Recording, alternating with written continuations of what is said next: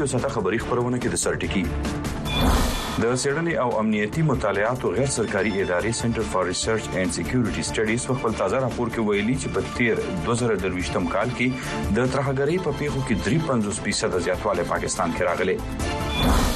د پاکستان مسلم لیگ نون او پیپلز ګوندونه په مرکز کې په ګډه حکومت جوړولو سره شوي خو سړنکار دغه حکومت په وړاندې لوی اقتصادي او امنیتي ګواښونه ویني عمران خان که څه هم منلي چې آی ایم ایف ته یې خط لیکلی خو د ملک نور مخالفو ګوندونو پرې نیوکه کړې او وایي چې دا د ملک په اقتصاد د حمله هڅه ده پاکستان کې د سیاسي ګوندونو لخوا شو ټاکنو کې د درغلیو ضد احتجاجونه روان دي په خیبر پښتونخوا کې عوامي نېشنل ګوند نن په چارسده کې احتجاجي مظاهره کړې وینا کوونکو ویلي دوی د اتمې فروری د ټاکنو نتیجې نه مني او تر هغه به یې احتجاجونه روان وي ترڅو چې بیا ټاکنې اعلان شوي نه وي او د امریکا خارجه وزیر انټونی بلینکن په ماسکو د نوو بندیزونو د پلان یو ورځ وړاندې ویلي د شلو شتمن هیوادونو د تنظیم جی 20 غړي غواړي چې په اوکرين د روس يرغل پای ته ورسي قدرمن اوریدونکو خبرونه کې به یو شمېر نور راپورونه مرکه هم اوري مونږ سره اوسئ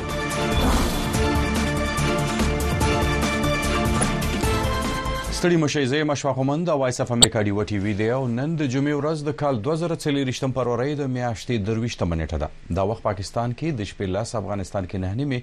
او په واشنگټن ډي سي کې د غرمې 12 بجې دي راځو د نن ورځې مهم راپور پلوته د څېړنې او امنیتي مطالعاتو غیر سرکاري ادارې سنټر فار ریسرچ اینډ سکیورټي سټډیز په خپل تازه راپور کې ویلي چې په تیر کال 2023 کې د ترهګرۍ په پیښو کې 350% زیاتوالی ریکارډ کړی شوی دی چې وايي په تیرو لسو کالو کې یې مثال نه موندل کیږي نور تفصیل له اسلام آباد نه د ډیوه خبريال وقار احمد په خپل راپور کې وړاندې کوي سنټر فار ریسرچ اینډ سکیورټي سټډیز په خپل کلنی رپورت کې ویلي چې په کال 2023 کې د پاکستان د ننه د ترهګرۍ په وسوه نه اتیا پیښو کې تر ټولو زیاتې پیښې په خیبر پښتونخوا او بلوچستان صوبه کې شوې دي د رپورت تر مخه د افغانستان سره په پوله پرتو په پښتونخوا او بلوچستان صوبو کې د ترهګرۍ سلور اتیا حمله شوې او په دغه پیښو کې د غالطه په مجموعي توګه 90% خلک وژل شوې دي سیډونکو د دې علت په افغانستان کې د تحریک طالبان پاکستان د وسله والو پټېدل او هلته نه د حملو پلانول ښيي. هم انهې نهي روک سکې تهې او يهان سې وهان چلې ګئې تهې. موږ پخوا طالبان وسله وال افغانستان ته د تلو څخه نه وو درولي او اوس هغوی افغانستان څخه دلته راځي. دا هغه پخواني حالات دي چې بدل نه کړی شول.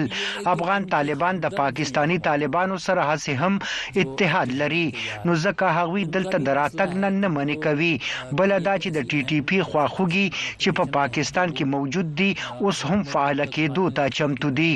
د پاکستان حکومت هم هغوی ته ځکه لاس نه وراچوي چې نظریاتي مسلې دي. په پالسۍ کې بنیادي بدلون راوستلو ته ضرورت دی. یوازې د ترهګرۍ ضد عملیات په ظاهره ښکاري چې د ترهګرو د تشدد په کمولو کې ناکامه شوي دي. یاد رپورټ وایي چې د پنجاب او سند صوبې په کال 2023م کې د نورو دوو صوبو په نسبت له ترهګرۍ څخه کمې اغیزمنې شوې دي او د غلطه د تشدد په پیښو کې یوازې 8% مرګونه ریکارډ شوې دي د سیړنې او امنیتي مطالعاتو د ادارې د رپورټ تر مخه په کال 2022م کې پیل شوی تشدد په کال 2023م کې هم په تسلسل سره زیات پاتې شوی رپورټ وایي د کال دوه زره درویشتم مهم پرمختګ د تحریک جهاد پاکستان نومې ترهګر ډلې راښکاره کېدل و چې د ټي ټي پي سره تړل کېږي. وايي د امنیتي ځواکونو په عملیاتو کې د تحریک جهاد پاکستان ډلې شپږ دېرش وسله وال وژل شوي دي. دغه راز د رپوټ تر مخه تېر کال د انصارالاسلام په نوم نوې ډله هم منظرعام ته راغلې او د امنیتي ځواکونو سره انښتو کې د دغې ډلې دوه وسله وال وژل شوي دي.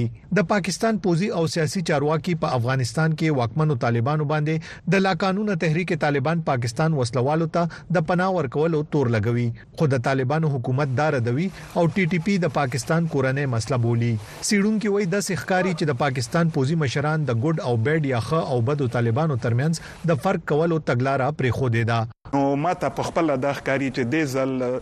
سافټ کارنر د هیچا په غاکې هم نشته ورته زړه کې که سیاسي دی که د ملیټري دی. نو دی ځل به دی خلاف په اول نه موثر غا کیږي نور خدا دی چې په افغانستان کې ناست یو چې کومه انسرجنسي عمل د بارډرز نه بهر وي هغه په کنټرول کول کې وخت خو لګي دا د زر خبره نه دي چې په کال شپږ میاشتې کا بغا وشي خو کنټرول به زما په خپل خیال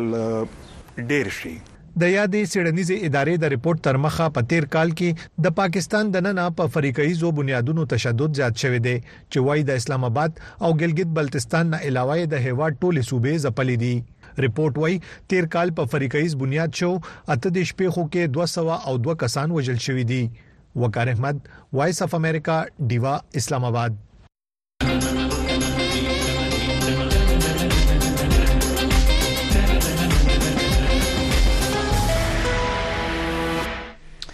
د سنټر فار ریسرچ اینډ سکیورټي سټډیز راپور کې چې د تشدد په پیښو کې د زیاتوالي کوم خبره شوې ده چې ګنې کال 2023م کې د تشدد پیښو کې دومره زیاتوالی راغلی چې تیرو لاسو کالو کې دومره پیښې په یو کال کې هم نه دي شوي په دې اړه باندې د نېشنل ډېموکرېټېک موومېنټ يا د قامي جمهوري غورځنګ مشر افراسياب خټک صاحب دا وخت موږ سره سکايپ د لارې ملګری دی هغه ته هر کله کو خټک صاحب ستړي مشي مننه کور مودان مننه خټک صاحب تاسو په خیال کال 2019 تلسم کې د تشدد د پیښو ریکارډ ولې په کال 2023 کې مات شو ارزاده چې دا خو پسترګو لیدې شو ښکارې دا چې دا څه بکیږي دا چې څنګه طالبان افغانستان ته کابل ته تللي دي، ټي ټي بي دلته راغلې ده، پاکستان فوج دې باره کې بيانونه ورکوي خو عمل کې بله خبره کوي نو دا ټوله يوه لوبه ده او تاسو که څلور کالو بيانونه راواخلئ د پښتانه چې کوم ملي ګرا ګوندونه دي يا وطنپال دانشوران دي ټول تاسو وګورئ هغوی دا خبره کوله چې بيا دې راوستل کېږي بيا راوستل کېږي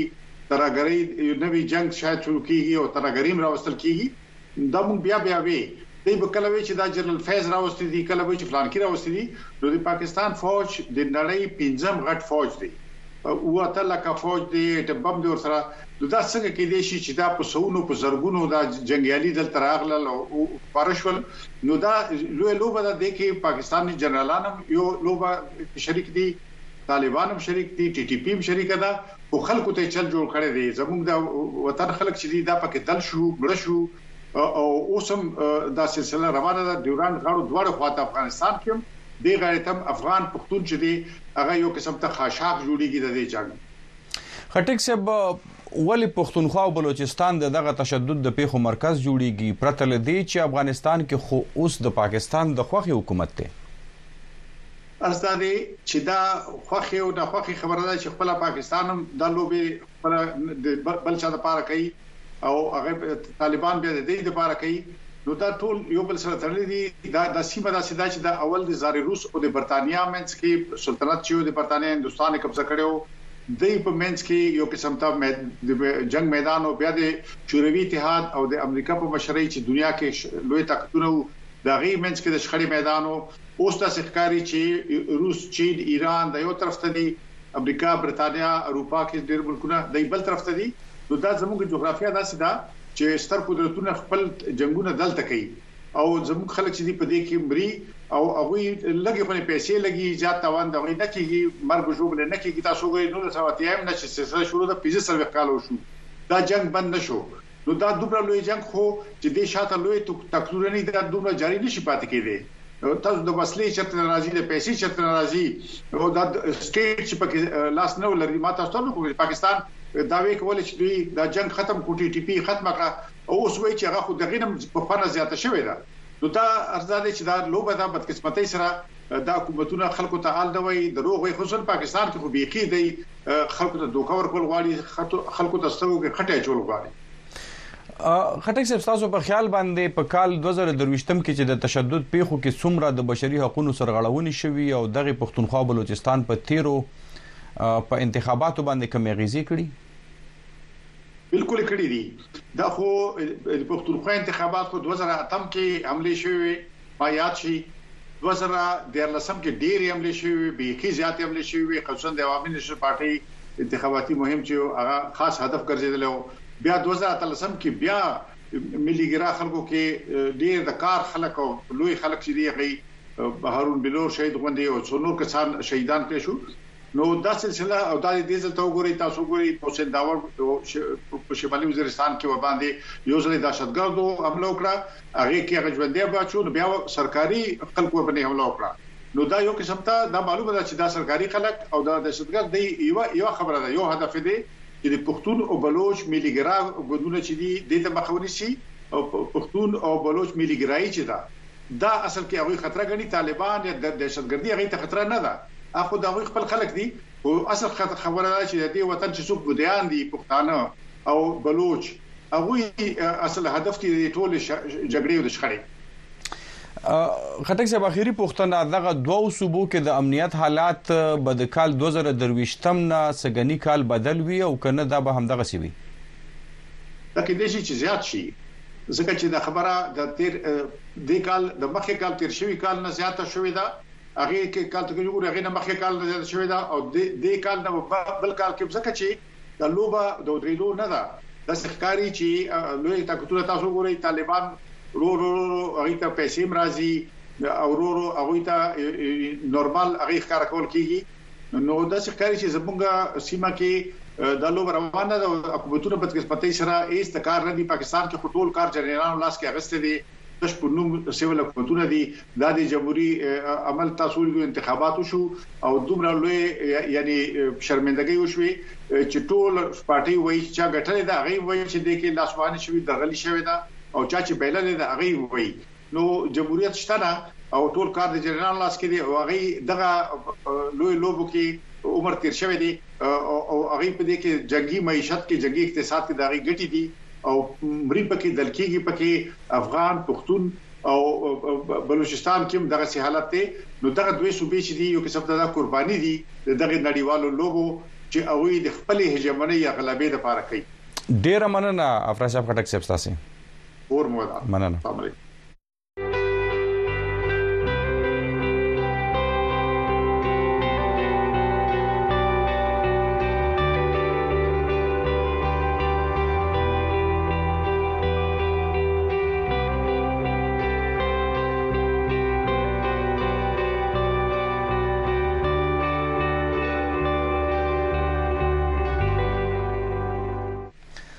د ډیوه ټي وي یو ساته خبري خبرونه ته نیخ پنیغه د واشنگټن ډي سي نه غواګي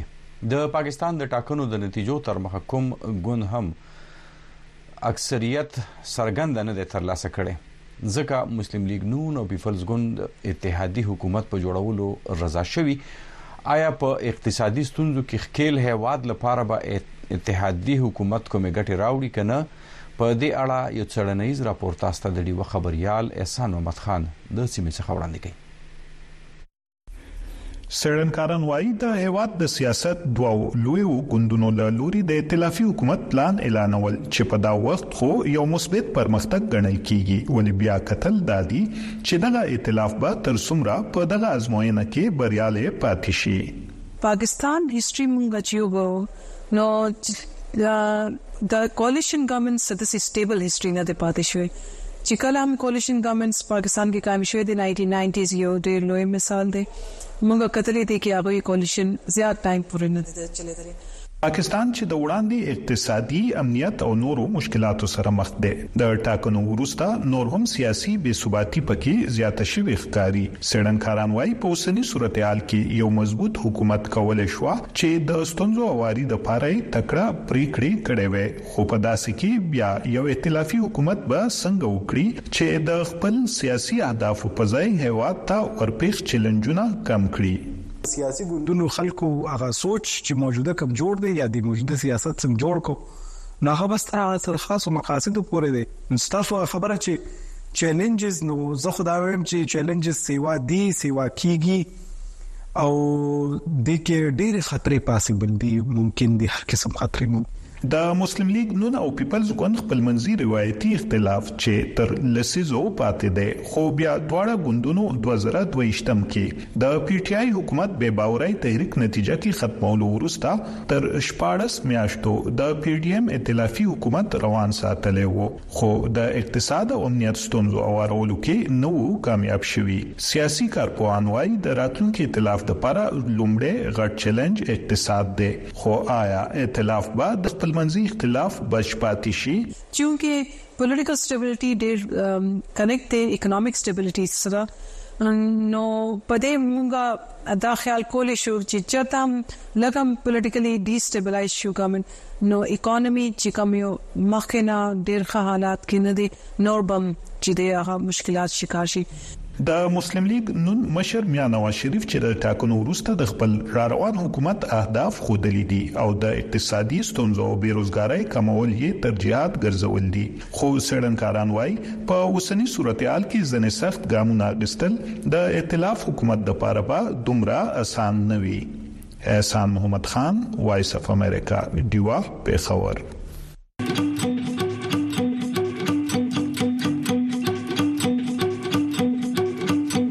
ویوي دیوا په سټلایټ ټي وي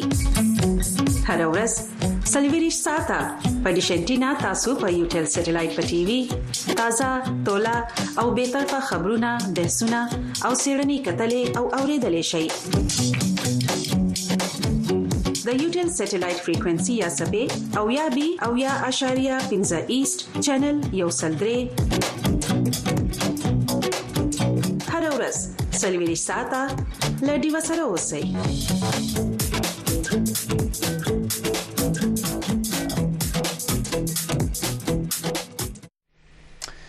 د پاکستان مسلم لیگ نون او پیپلز ګوندونه په مرکز کې په ګډه حکومت جوړولو باندې سلا شوی خو سړنکار د دغه حکومت په وړاندې لوی اقتصادي او امنیتي ګواښونه ویني عمران خان که څه هم منلي چې آی ایم ایف ته د خط لیکل دی خو د ملک نور مخالفه ګوندونو پر نیوکه کړې دي او وایي چې دا د ملک په اقتصاد د حمله هڅه ده د نور تفصیل لپاره زموږ سره د اسلام آباد نه د ډیوه خبريال الیاس خان سره ملګری شو دا غینه تفصیل اخلو الیاس خان سره ستړي مشي ډیر مننه شپه خوشاله اوسئ الیاس خان صاحب په مرکزی حکومت باندې د پیپلز ګوند او د مسلم لیګ نون ترمنځ خبرې اترې تر کوم ځای رسیدلې دي او په دې کې د وزارتونو په تقسیم او په واک اختیار باندې څومره پرمختګ شوه دی جی اشفاق صاحب تر تر دې دمه چې کومه دغه خبرې اترې شوي دي یا دغه پاور شیرنګ فارموله ده نو په هغوی کې چې کوم آئیني چوکۍ دي هغه پیپلز ګوند ته ورکړې شوي دي په هغوی کې صدر د پیپلز ګوند آصف علي زرداري وي دغه رنګ د ډیپټي چیرمین بم سینټ بم د پیپلز ګوند نه وي او دغه رنګ په کابینه کې د دوی دغه وینا ده چې فی الحال به دوی برخه نه اخلي یا د دې برخه به نه جوړیږي خو بیا هم څېړونکي دا وایي چې رسو وخت کې کېدې شي چې پیپلز پارټي که څه هم مهم وزارتونه خو نه خلی خو چې کوم د پی ډی ایم په حکومت کې دوی سر وزارتونه او هغه ته بیا دوی غاړه کېدي او هغه وزارتونه چې نه بلیم به په حکومت راځي لکه د خارجه چارو یا د فاینانس منسټري خزانه وزارت داخله چارو وزارت دغه ته غاړه کې نه دی دغه رنګ د گورنرانو په دوه د پیپلز ګوند نه او دوه با د مسلم لیګ نون نه او په هغه کې ایم کیو ایم تر دې دمه پورې خفه دی او وی دا وایي چې د سن گورنر دی مونږ تر خپل شي نو تر دې دمه خو دغه فارموله باندې خبرې اترې روانې دي او څنګه چې فاطمه فروری دغه ټاکنې شوې دي نو دا د قانون د لاندې په درېیو هفتو کې د اسمبلۍ اجلاس راغوښتل بیا لازمي وي، نو راتلونکي هفته کې تمه ده چې دغه ټول څیزونه به ته به اخري شکل ورکړل شي او د اسمبلۍ اجلاس به هم څیړونکي دا وايي چې راوغوښتل شي ولې چې د یو کم دیرشم یا نه پس بیا دغه هر څه چې دي دغه بیا ایلیګل یا غیر قانوني کیږي نو ځکه راتلونکي هفته کې به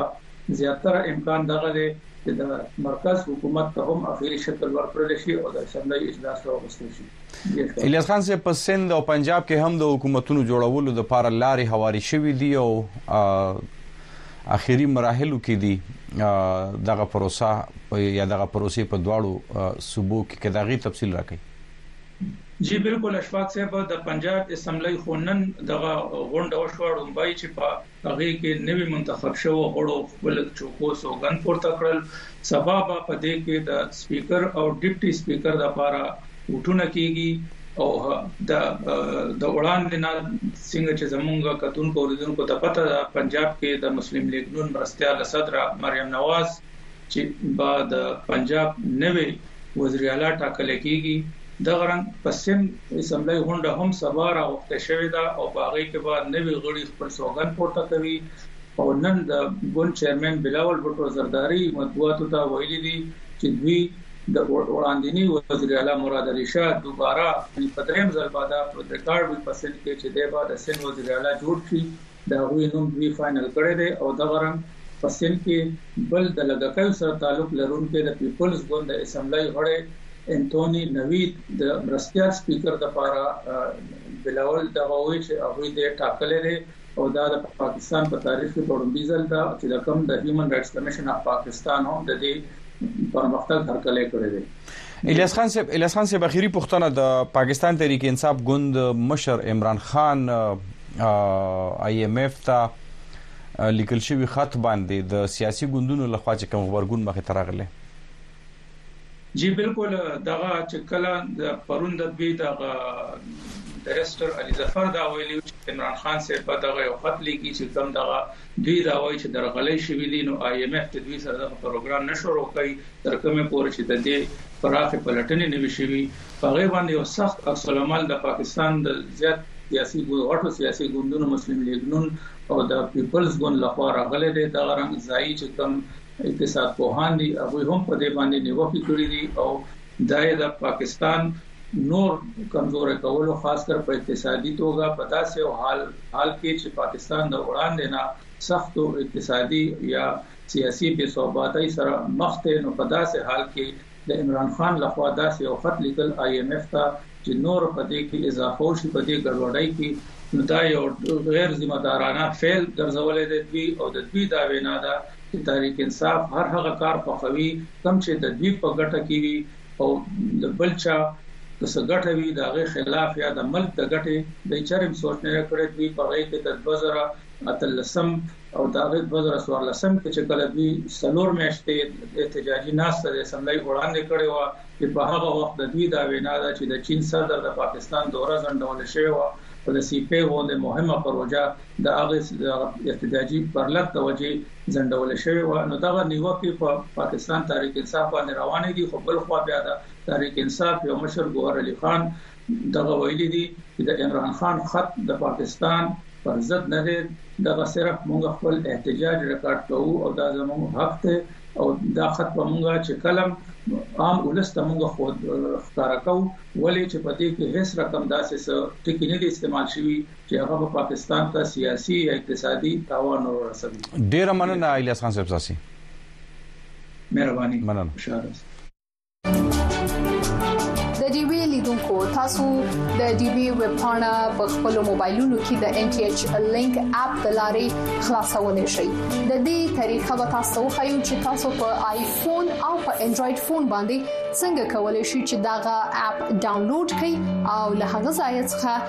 د ډیوې ویب پاڼه وګورئ د ان ټي ایچ لینک اپ ډاونلوډولو لپاره که تاسو سره آیفون وي نو تاسو خپل اپل سٹور پرانځئ او که له تاسو سره انډراید فون وي نو تاسو ګوګل سٹور پرانځئ له هغه وروسته لټون کې ان ټي ایچ لینک ولیکئ او دغه اپ ډاونلوډ کړئ په دویم پړاو د آی اګری تڼۍ کې کاږئ او بیا د فلګ لاندې د کنیکټ تڼۍ کېکاږئ او په دریم پړاو کې بیا د اوکی تڼۍ یا بټن کېکاږئ له کنیکټ کېدو وروسته تاسو د دې وی پاڼه پرانیزئ او د خپل خوښې خبرونه وګورئ او له هغه ځایه تاسو کولی شئ چې د خپل خوښې ټول پروګرامونه ریپورتونه او لیکنې ولولئ او وګورئ د نړیوالې مالیاتي ادارې آی ایم ایف ویاند د پاکستان تحریک انصاف ګوند مشر عمران خان لخوا په انتخاباتو کې د ممکنه درغلیو په اړه ادارې ته خط لیکلو په حواله ویلي چې اداره د پاکستان د نوي حکومت سره د خبرو په انتظار ده خو د پاکستان په سیاسي صورتحال یې د تبصرې کولو نه ډډه کړې په دغې د ډیوه خبریال ارشد حسین نور تفصیل تاسې ته د اسلام آباد نه درکوي آج هم سب کی ملاقات ہوئی ہے د پاکستان تحریک انصاف ګوند یو مشر بیرسټر علي ظفر پرون د زیارت پر ورځ له عمران خان سره په جیل کې د ملاقات وروسته مطبوعاتو ته ویلي و چې عمران خان به ایم ایف ته خط لیکي او دا به پرې واضح کوي چې د پاکستان سره د څه ډول خبرو دپاره دا شرط کیږدي چې په انتخاباتو کې د شوو درغلو پلټنې یې وشي. عمران خان صاحب نے آئی ایم ایف کو ایک لیټر لکھا ہے عمران خان چی آی ایم ایف ته خط لیکی نو زما په خیال دا منفی پرمختګ دی ولی چی کله هم آی ایم ایف پاکستان ته قرض ورکوی نو له هغه یی وړاندی دی هیواد د ټولو سیاسی ډلو سره خبری کوی او دا باور تر لاسه کوی چی هغوی به په راتلونکی ددی قرض پروګرام ملاتړ کوی د آی ایم ایف پروګرام د یوی مخصوص پارټی پروګرام نه وی دا ټول ملک لپاره وی او باید چی ددی ملاتړ وشی. پاکستان دا وخت په انتخاباتو کې د درغلو د تورونو په سر د سیاسي کړکېچ، خراب اقتصادي صورتحال، ګرانۍ، درنو قرضو او د امنیتي ستونزو سره مخ دی. اخوا امریکايي مجلې بلومبرګ امکان څرګند کړی دی چې پاکستان به آی اېم اېف ته د شپږ اربه ډالرو د نوي قرض پروګرام لپاره خواست کوي. د رایټر د رپوټ تر مخه د آی اېم اېف سره د پاکستان د مذاکراتو د مارچ یا اپریل په میاشت کې د شروع کېدو امکان دی. په تېر اوړي کې د پاکستان د ایم ایف سره د لنډمهاله قرض پروګرام د لاسلیک کېدو له کبله د اقتصادي سقوط څخه بچ شوی و، خو اوس دغه لنډمهاله پروګرام په مارچ کې ختمېږي. د اقتصادي چارو ماهرین او مسلم لیګ نواز ډله د تحریک انصاف ګوند دغه خط غندي. د مسلم لیګ نون ګوند یو مشر عطاالله تارړ تېره ورځ د جیو ټي وي سره خبرو کې د عمران خان له خوا ایم ایف ته خط لیکل بهرني مداخلت ته بلنه ورکول بللي وو او دا یې د پاکستان په اقتصاد حمله ګڼلې وه. د نړیوالې مالیاتي ادارې آی ایم ایف ډایرکټر کمیونیکیشن جولي کوزیک د تحریک انصاف ګوند مشر عمران خان د خط په اړه خپل غبرګون کې ویلي چې اداره د پاکستان د نوي حکومت سره کار کولو ته لېواله ده. خو په ډاګه کړې ده چې هغه د پاکستان په سیاسي صورتحال تبصره نه کول غواړي. د پاکستان د خزانې نګران وزیر د بلومبرګ په رپورټ تر دې دمه کومه تبصره نه ده کړې خو د ایم ایف ترجمان یې ویلي چې د نړیوالې مالیاتي ادارې مسؤلین د پاکستاني چارواکو سره د اوږدمهاله اصلاحاتو په اړه خبرو کې مصروف دي. د مالي چارو ماهرین د پاکستان تحریک انصاف ګوند مشر عمران خان له خوا آی اېم اېف ته د خط لیکلو په اړه وايي چې آی اېم اېف د قرض لوظنامه د یو خپلواک ریاست سره کوي. ساورن کنټریز کې ساتھ ډیل کر. خو دا به د پاکستان چې دا وخت کوم مجموعي اقتصادي او سیاسي صورتحال دی، او د آی ایم ایف سره چې د نوي قرض پروګرام لپاره کومې خبرې کیږي په هغې بد اثر ولري ځکه چې د پاکستان اقتصادي مسلې ډیرې سنجیده دي. په دې وروستو کې د اقتصادي درجه بندۍ نړیوالې ادارې فیچ هم خبرداری ورکړو چې پاکستان کې د انتخاباتو نتیجې او د هغې له امله جوړ شوي د سیاسي بې باورۍ حالت د نړیوالې مالیاتي ادارې آی ایم ایف سره د دغه هیواد د پور د تړون هڅې ستونزمن کولي شي. ماهرین وايي یو خو د پاکستان اقتصاد سخت کمزوری دی او بل خوا ته د قرضو پېټی نور درنېږي. آئی ایم ایف جو هې اس کې علاوه همارې پاس کوئی اور پلان نهي هې. په راتلونکي ورځو کې د پاکستان سره د آئی ایم ایف نه علاوه بله لار نشته. د پاکستان پلان اې، پلان بي او پلان ډي یوازې آئی ایم ایف دي. دا نه چې آئی ایم ایف به مونږ ته څومره پېسې راکوي. مونږ چې د ګڼ اړخیزه ادارو او دوست هېوادونو څخه کم ملاتړ غواړو، نو هغوی لومړی ګوري چې پاکستان د آی اېم اېف په پروګرام کې شامل دی او که نه. د اقتصادي چارو ماهرین وايي، دا وخت د پاکستان د زر مبادلې ذخیرې اته اربه ډالره دي او دې هېواد ته به په راتلونکې شپږو میاشتو کې نږدې څلېرش اربه ډالره بهرنۍ قرضې بېرته ستنول وي. ارشد حسین، وایس اف امریکا، ډیوه، اسلام اباد. وخت.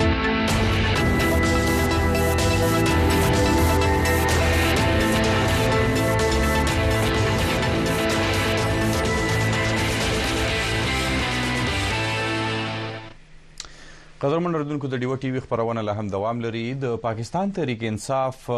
امیدوارانو په آزاد حیثیت کې په انتخاباتو کې د برخه اخستو لکبله په فرقه ایزه مذهبي ډله سني اتحاد کونسل کې ورګډېدو سره سم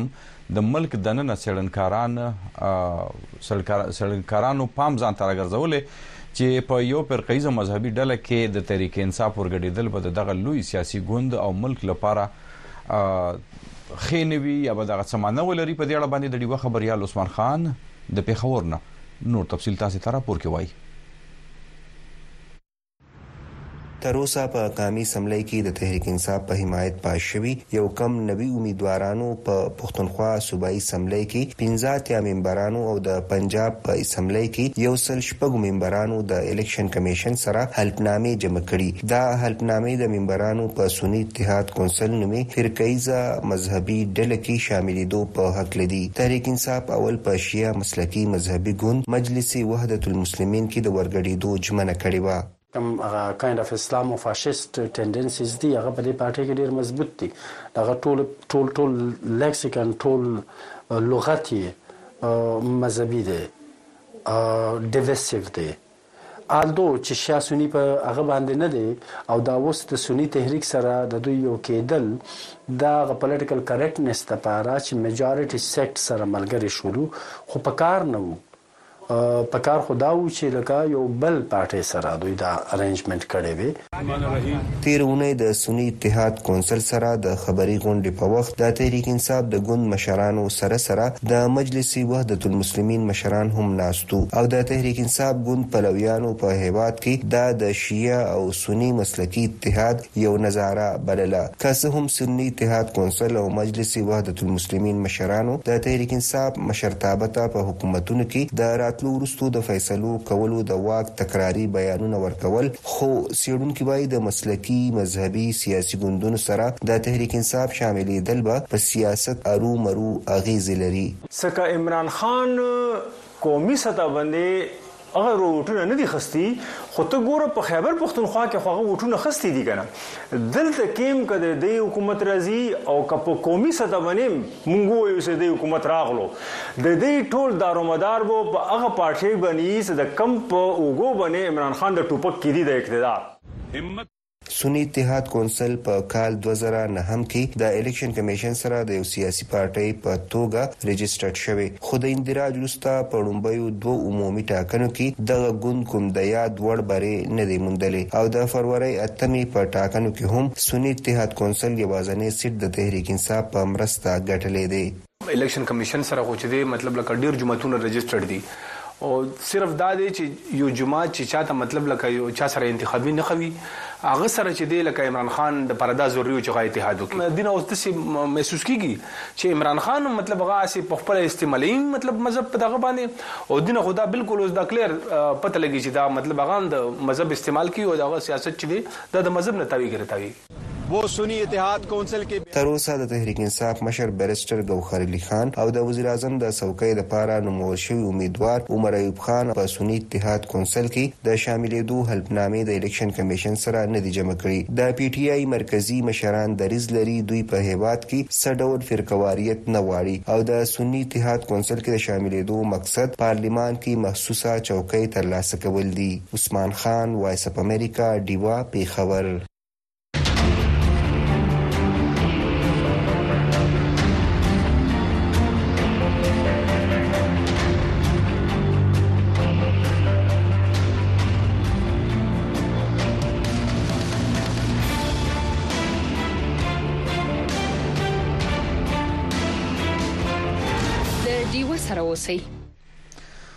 د سګنی کال نومبر په میاشت کې په امریکا کې صدارتي انتخابونه کیږي د رائټرز لخوا شوی سروې وایي چې زیاتره امریکایان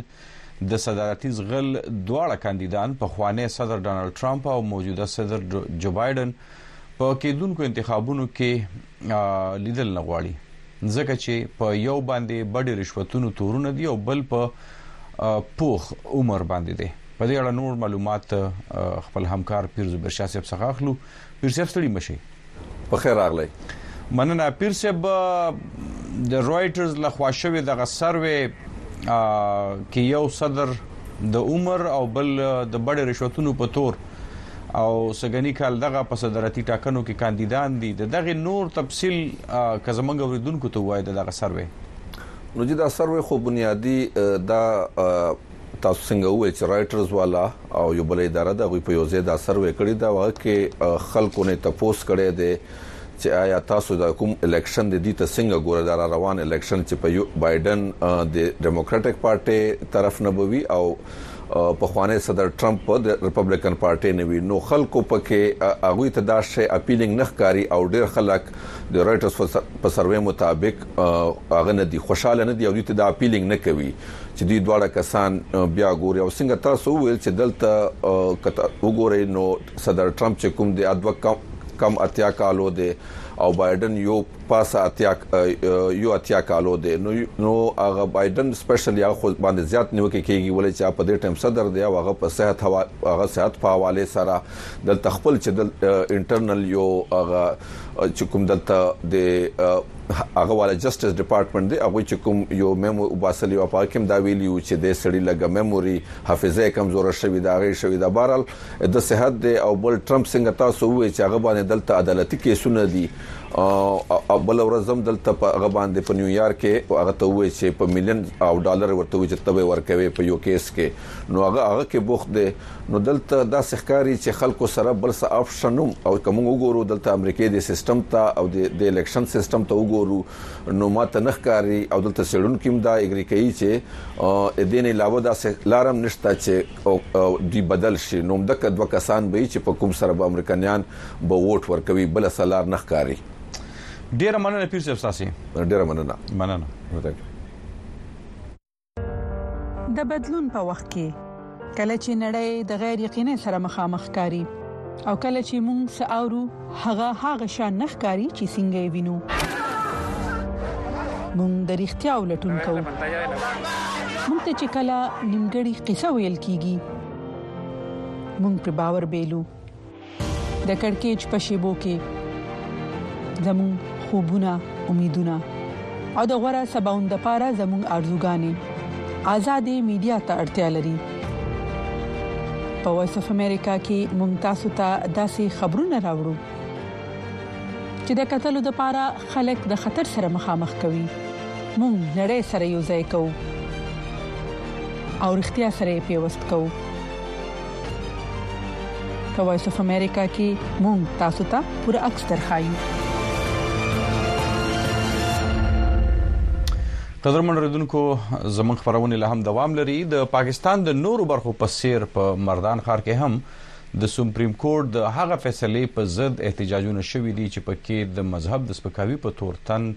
د بند خوشې کړی شوی. احتجاج کوونکو غوښتنه کړې ده چې دې فیصلې ته دې بیا کتنه وشي او واپس دې واخیستل شي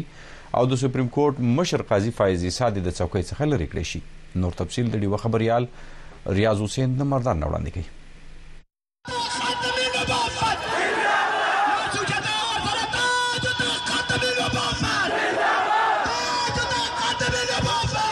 دا احتجاجونه د جمعیت علماء اسلام په لورمان ګوند لخوا را بلل شوي وو احتجاج کوونکو پلی کارډونه او بینرونه اوچت کړي وو چې پر د عدالتي فیصلې ضد ناری لیکل شوی او په لوړ غږ کې د سپریم کورټ د مشر قاضي پایز عیسی په ضد ناری وهلې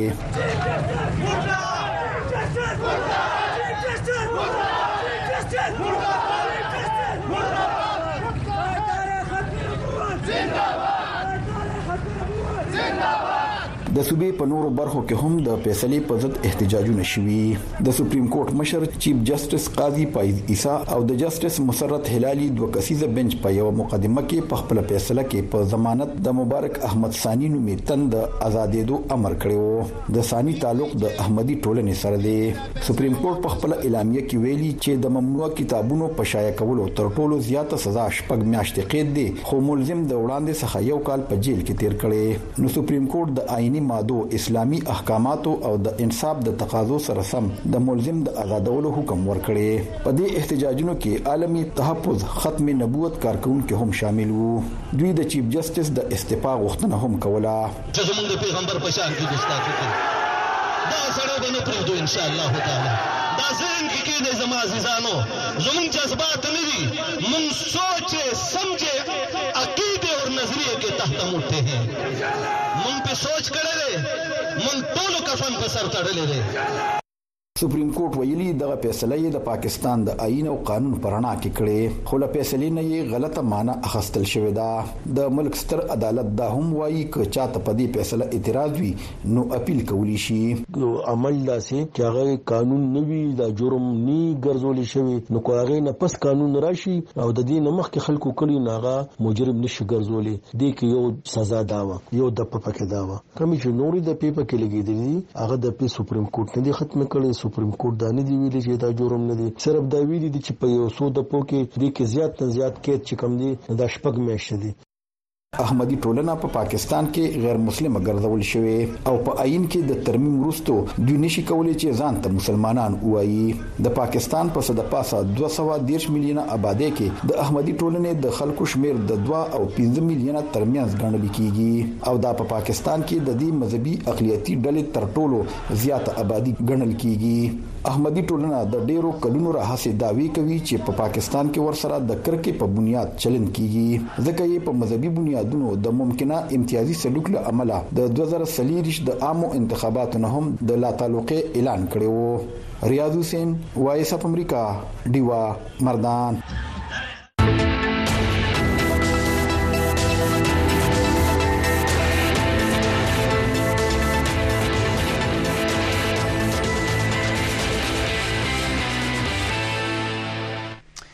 پاکستان کې د پروري پاتمه چې کوم انتخابات شوې دي په دغه کې د درغلیو په ضد باندې د سیاسي ګوندونو لخوا احتجاجونه لا هم روان دي. په خیبر پښتونخوا کې د عوامي نشتل ګوند لخوا نن په چارسده کې احتجاجي مظاهره شوې. احتجاج کوونکو وینا وه چې دوی شوې ټاکنې نه مني او په احتجاجي مظاهرې به د دوی وایي تر هغه وخته روانې وي ترڅو چې نوې ټاکنې اعلان شوي نه وي. د پاکستان الیکشن کمېشن په ټاکنو کې د درغلیو تورونه رد کړي دي. نګران وزیراعظم نورالحق انورالحق کاکړ هم ویلي دي چې په اتمه فروری شفافې ټاکنې ترسره شوي. د ډیوه خبریال ارشد مومند د دغې نور تفصیل تاسې ته د چارسدې نه وړاندې کوي.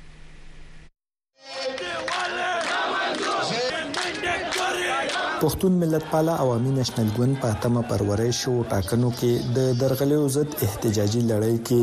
د جمعې په ورځ په چارسده کې احتجاجي مظاهره وکړه. دې نه وړاندې په صوابۍ کې احتجاج کړی و او د بلوچستان په چمن کې هم احتجاجي پرلت وهلی دی. وینا کوونکو تور ولګاوه چې ریاستي ادارو په شوو ټاکنو کې لاسوهنه کړې ده.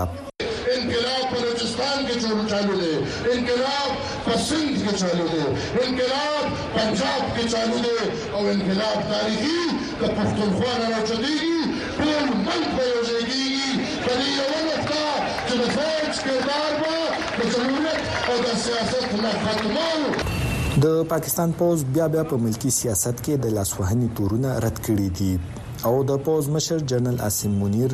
د فرورۍ په لسمه په یو بیان کې نګران حکومت، د انتخاباتو کمېشن او د پاکستان ولس ته مبارکي ورکړې وه او انتخابات یې کامیاب، او ازاد ګڼلي وو خو په دې ټاکنو کې زیاتره ګوندونه درغلیو تورونه لګوي او په دې کې ریاستي ادارې ککړې ګڼي. احتجاجي مظاهرې په خیبر پښتونخوا کې تحریک انصاف، مذهبي ګوندونه او عوامي نېشنل ګوند کوي. دغسې په بلوچستان کې هم د سیاسي ګوندونو احتجاجي مظاهرې روانې دي او په پنجاب کې هم د تحریک انصاف ګوند پلویان وخت په وخت احتجاجونه کوي. امریکې، برتانیې او یورپي یونین هم د پاکستان په انتخاباتو کې د درغلیو په تورونو اندېښنه ښکاره کړې ده او په دې برخه کې د سپاه او بېړنیو پلټنو غوښتنه کړې ده. د پاکستان نګران وزیراعظم انوارالحق کاکړ او الیکشن کمېشن د درغلیو تورونه رد کړي او دا یې د پاکستان داخلي معامله ګڼلې ده. د عوامي نېشنل ګوند مرکزي جنرل سیکرټري میا ابتهار حسین وویل، په دې ټاکنو کې درغلي شوي دي. او دوی به د پرامن مزاحمت د لارې خپل احتجاج روان ساتي تر څو چې نوې ټاکنې نه اعلان شوي. مونږ په دې ټاکنو یقین نه ساتو. مونږ دا مسترد کوو او مسترد کوو به یې تر هغې تر څو چې دلته نوې ټاکنې نه وي شوې او پاکې او شفافې ټاکنې نه وي شوې. د احتجاج کوونکو وینا وه، په سند، پنجاب او تر څه حده بلوچستان کې د هغو ګوندونو حکومت جوړېږي کوم چې د هغه صوبو د حقونو لپاره اواز پورته کوي. خو وايي په پښتونخوا کې ټول هغه غږونه غلي کړل شوي کومو ګوندونو به چې د صوبې د حقونو لپاره غږ پورته کاوه احتجاج کوونکو غوښتنه کوله چې په ټاکنو کې د شوو ممکنه درغلیو د پلټنو لپاره دې عدالتي کمېشن جوړ کړی شي او وايي د دې لپاره دوی ثبوتونو ورکولو ته هم تیار دي د پاکستان د انتخاباتو کمېشن تر اوسه په ټاکنو کې د درغلۍ د تورونو د سپینولو لپاره د کوم کمېشن جوړولو په اړه څه نه دي ویلي.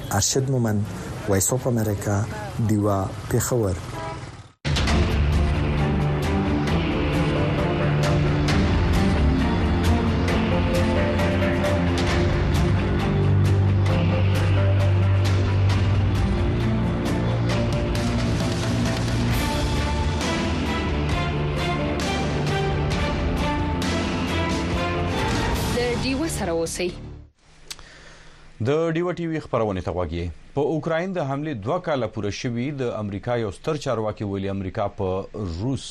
بندیزونه لګولي چې پکې د هغوی بانکونه او د وسلې جوړولو کارخانې په هدف کړې شوې دي د وای چې دغه په ماسکو فشار دوه برګه سیوا کړي د امریکا خارجه وزیر انټونی بلینکن په ماسکو د نوو بندیزونو د پلان یوه ورځ وړاندې ویلي دي چې د شلو شتمنو هېوادونو د تنظیم جي ټوېنټي د غړو خواهش دی چې په اوکراین د روس یرغل پای ته ورسي. په دغې نور تفصیل زموږ همکار نوشیروان قلندر وړاندې کوي. امریکا د اوکراین په ضد د روس د جګړې دوه کاله وروسته په کرملن فشار دوه چنده زیاتوي او د بندیزونو د یو لوی پیکج د لارې د روس بانکونه او د وسلو صنعت په هدف کوي په ماسکو د بندیزونو په ځای کولو د منسوبې د اعلان یو ورځ وړاندې د امریکا خارجه وزیر انټونی بلینکن د جیشل د هیوادونو د غونډې په ترڅ کې په یو خبري کانفرنس کې وویل چې شل مالدار هیوادونه په سختۍ سره په اوکراین د روسي يرغل د ختمېدلو خواهش لري. On Ukraine. There is a strong palpable. د شلو مالدار هیوادونو ترمنځ په اوکراین د روسي يرغل ختمېدل یو غټ خواهش دی. دا چې د امن بالادستي په داسې طریقه وشي چې د اوکرایني خلکو ازادي، د هغوی راتلونکې او د سیمه ییزې سلامتیا حقونه خوندي وساتي. او دا خبره په هغو ملاقاتونو کې روښانه وه چې په تېرو دوو ورځو کې زموږ تر منځ وشول. غربي نړۍ که یو خوا د ماسکو د یوازې کولو هڅې کوي، خو ورسره یې روس د سفارتي رابطو د لارې هم مصروفه ساتلې او د جي شل هېوادونو په غونډه کې د روسي خارجه وزیر سرګې لارو موجودګې نه هم دا ښکاري.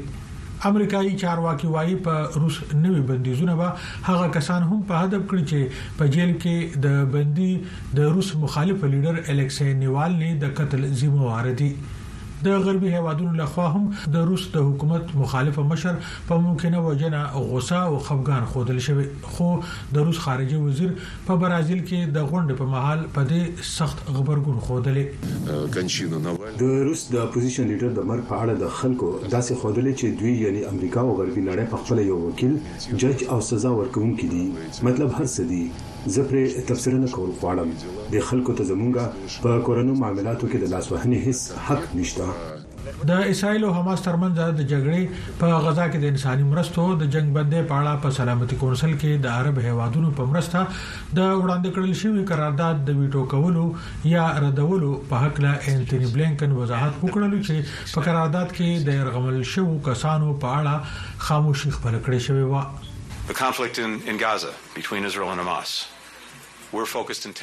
د اسرایل او حماس ترمنځ په غزه کې د جنګبندۍ په لړ کې امریکا د باقي پاتې یرغملو د خوشې کولو په لوظنامه زیات پام کوي چې په نتیجه کې به یې په انساني بنیادونو یوه پراخه معاهده وشي. د شلو مالداره هېوادونو په غونډه کې د غزې په رفح سرحدي ښار کې د اسرایل د پوځي عملیاتو خلاف اوازونه پورته شوي او د اسرایل نه په فوري توګه خپلې فیصلې ته د بیا کتلو او ځنډولو غوښتنه شوې ده نو شروان کلندر وی او ای ډی وا واشنگټن ډي سي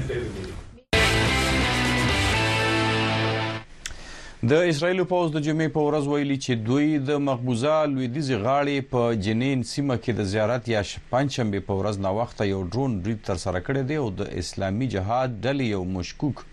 وسلوال یې پکې وژلې په دغه اړه باندې نور تفصيل زموږ همکار بختور شاه تاسو ته وړاندې کوي د اسرایل پوز د جمعې په ورځ داوا کړې په غربي غاړه کې په یو موټر د ډرون په برید کې د اسلامي جهاد وسلوال یاسر حنون وجلې څوک چې د یو برید په تکل کې روان وو د اسرایل پوز زیاتوي حنون د جنین کډوالو کیمپ اوسیدونکو وو په هغه تورونه وو چې وړاندې یې هم د اسراییل په پوستو او ابادکاریو بریدونه کړي وو. خو د اسراییل د پوځ له خوا جاري شوې ویډیو او د دغه خبر دعوې د ازادو سرچینو نه نه دي تایید شوي. اخوا د نیدرلینډز په هیګ ښار کې د انصاف په نړیوال عدالت کې د فلسطین د کشالې په سر د نورلسمې فرورۍ نه اوریدنه روانه ده چې تر شپږیشتمې فرورۍ پورې به جاري وي.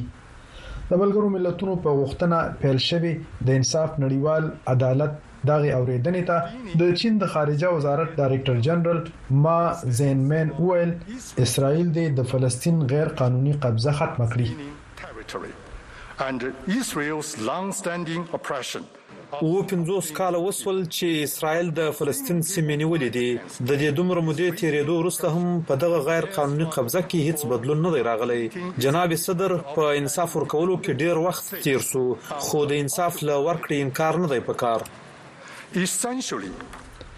په هیګ کې د انصاف په نړیوال عدالت کې د اسراییل د مسلې په سر روانه دغه اوریدنه کې د پنځوسو نه د زیاتو ملکونو مشران برخه اخلي چې پکې چین، روس، امریکا، برتانیه، فرانس او درې نړیوال تنظیمونه، د عربي ملکونو ډله، د اسلامي ملکونو د همکارۍ تنظیم او افریقایي اتحاد هم ګډون کوي. دلته په نیویارک کې هم په ملګرو ملتونو کې د چین مستقل استازي ژانګ ژون د زیارت په ورځ په اسراییل غږ وکړو چې په رفح کې روان فوځي عملیات دې فوري ودروي او د غزا خلکو ته دې د امدادي توکو په رسد کې خنډان نه ولاړوي.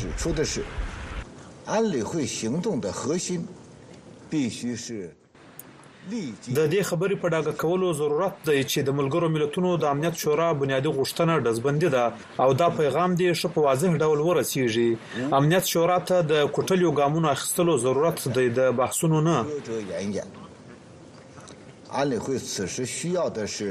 强大的决心。ښاغلي ژنګ زیاته کړه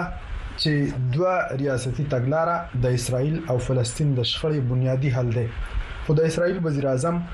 نتنیاهو د فلسطین د ریاست مخالفت کوي او د نړیوال فشار پرته یې په فلسطین کې د بریدونو لړۍ جاري ساتلې ده. د اسراییل وزیراعظم بنجامین نتنیاهو تېره ورځ ویلي، د دغه جنګ وروسته به هم اسراییل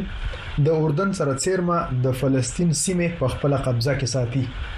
نوموړي د دغه فرمان مسوده په پارلمان کې د بحث دپاره وړاندې کړې، کومه چې فلسطیني چارواکو په لومړي سر کې رد کړې ده. د حماس له خوا په اووم اکتوبر د بریدونو په غبرګون کې اسرائیل په فلسطین پوځي عملیات پیل کړي او، په غزا پټۍ او غربي غاړه کې یې تر اوسه د یو کم دېرش زرو نه زیات فلسطیني وګړي وژلي دي او د سیمې دېرش لاکه خلکو کې اتیا فیصدي خلک د خپلو کورونو نه په کډو مجبوره شوي. اسراییل دعوه کوي، په اووم اکتوبر په بریدونو کې حماس د دوی دولس سوه وګړي وژلي او د دوه نیمو سوو نه زیات یې له ځان سره ژوندي تښتولي. بختور شاه. وایس اف امریکا دیوا واشنگټن ډي سي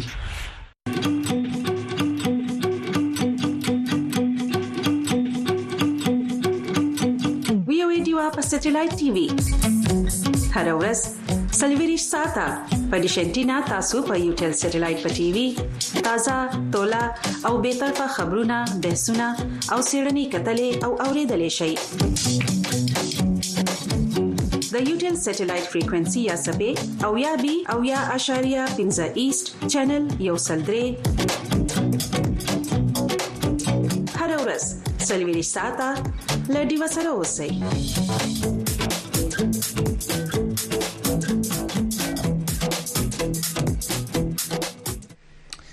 په خیبر میډیکل کالج پېښور کې د کتابونو میله جوړه شوې خو اکثره زده کوونکي وایي د کتاب لوستلو شوق یې بالکل ختم شوی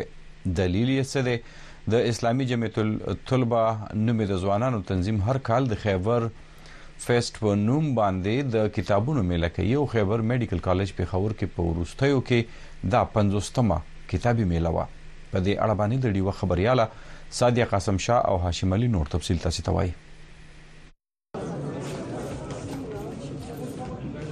نن دلته خیبر میډیکل کالج کې بک فیر دی او اې کې بلاشي سټالز لګیدلې دي بوکس دي اکورډینګ زموږ د اکیډمیک بوکس هم دي ناولز هم دي خو خبره ده چې مډي از میډیکل سټوډنټ هر چا د پرګرانی لکه سو ټایم مینجمنت نشي کولای سو کول وخت نشي روباسلې اوس زم په خپل دلته راغلم د میډیکل بوکس کتو لراغلم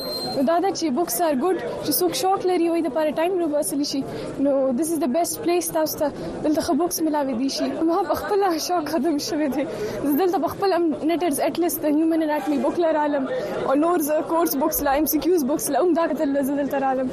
نو دا د چې از میډیکل سټوډنټ زمونږ به هم هغه طرف ته دغه چې موږ ای باره کې نور ایکسترا ډیټیلز والو زه خو به کې شوق لرم او زه ډیر حیران او پریشان یم چې دا باقي سټوډنټان ډیر شوق لري دومره کتابونه وای زه خو د ټیکسټ ولم نشم ویلای او د نور وسنګ وایم زه اکثر ملګرو ته پوښتنه کوم نو تاسو څنګه دا مینج کوي بس موږ میټریک نه دا شي شوق وو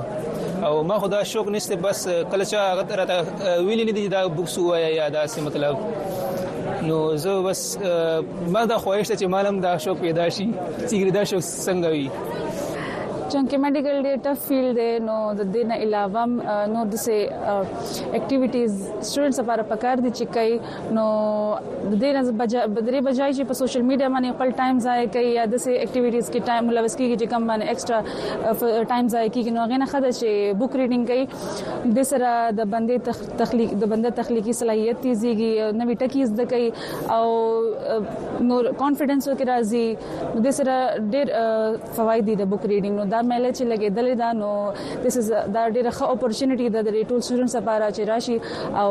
دا فیلډ ډیسکور کړي دا زه خپل دومره بوک شوقین یم نه دومره بوکس ریډ کوم ځکه چې زموږ میډیکل فیلډ دی زموږ الریډي دومره ډیر بوکس وي دومره ډیر سټډي کولی کنه موږ باندې ډیر برډن دي د سټډي نو دی خو موږ ته د بوکس لپاره ډیر ټایم نه ملاویږي نن سبا د سوشل میډیا دور دی نو نن سبا خلک بس چې کبوک وایي فار ایگزامپل نو هغه سمپل په سوشل میډیا یا موبایل کې بوک روبا سی هغه ریډ کیا یو سټپ یا دغه سمری ډایرک وګوري خو د بوک سټرند روان دی او دا سپیشلی اسلامي جمعیت طلبه چې دا بوکس فیر ارینج کړي دا ډیر ډیر انکریجینګ کار کړی دی دا شان موږ سټوډنټس تخایو چې واځي ز دلته ډاکټر جوړېدل نه مراغله زما د دنیا نورم سم مقاصد شته دی د دنیا کې وخت راول دي هغه وخت څنګه راول دي او موږ د دې نه زده کوو نو په دې کې موږ چې کوم دی لټریچر چې کوم دی ګورو او اسلامیک لټریچر دی کو هغه چې کوم دی زموږ جنرال لټریچر دی هغه بوکس موږ دلته پروواید کوو الحمدلله زموږ میډیکل سټوډنټ چې کوم دی هغه د طب سره سره چې کوم دی دا نور لټریچر هم ریډ کوي او خو ماشاءالله یو پازیټیو ګرومینګ چې کوم دی په دې کالج کې کیږي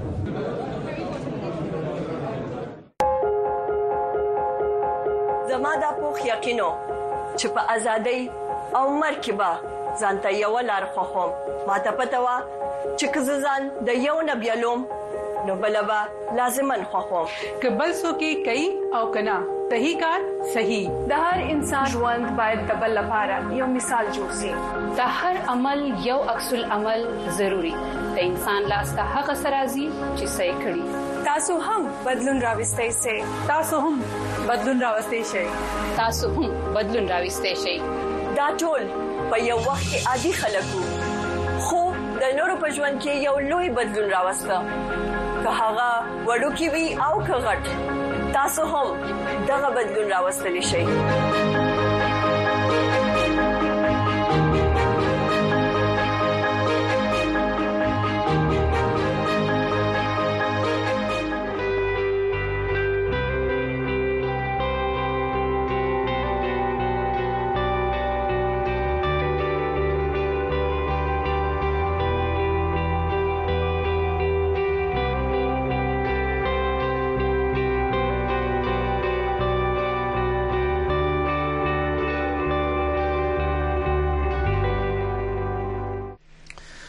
قدرمن رودونکو د ډیو ټي وي دا یو ساته خبری خبرونه هم په دې ځکه پای ته رسیدي یادونه درکو چې د ډیو ټي وي دا خبرونه د دې ترڅنګ یو شمېر نور خبرونه پر روانو چارو باندې په سیاسي چارو باندې په اقتصاد باندې په نړیوالو اړیکو په بازرنۍ باندې یو شمیر نور موضوعات موضوعګانې ستاسو لپاره زموږ همکاران د ډیوه ټي وي په نورو پروګرامونو کې هغه تر سره کړی دي دغه ټول معلومات تازه خبرونه راپورونه مرکه او چې څه هم په ګرد نړۍ کې د نړۍ د مختلفو برخو نه شوی هغه تاسو لپاره غونډ کړی دي او د ډیوه په ویبپاڼه www.diwaradiyo.com باندې دغه معلومات تاسو لپاره سلیری ساته پراته یو دغه وخت په وخت زموږ همکاران تازه کوي او نوي معلومات دغه تراوړي نو خامخا د نړۍ په حالاتو باندې په خپل سیمه په خپل اقتصاد باندې په خپل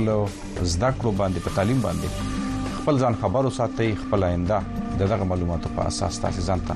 جوړول شي او دغه شانته کې په ټولنیزو رسنیو لکه انستګرام، فیسبوک، یوټیوب او په ایکس باندې هم د ډیو ټي وي د خبرونه ستاسو لپاره دغه تل کې پرتی تاسو کول شي دغه ته هم د ډیوا پروګرامونه راپورونه مرکه خبرونه وګورئ ویل ولې او وایي زه اشفاق ومن سره د خپل همکارانو تاسو نه خپل اجازه خښ په ولري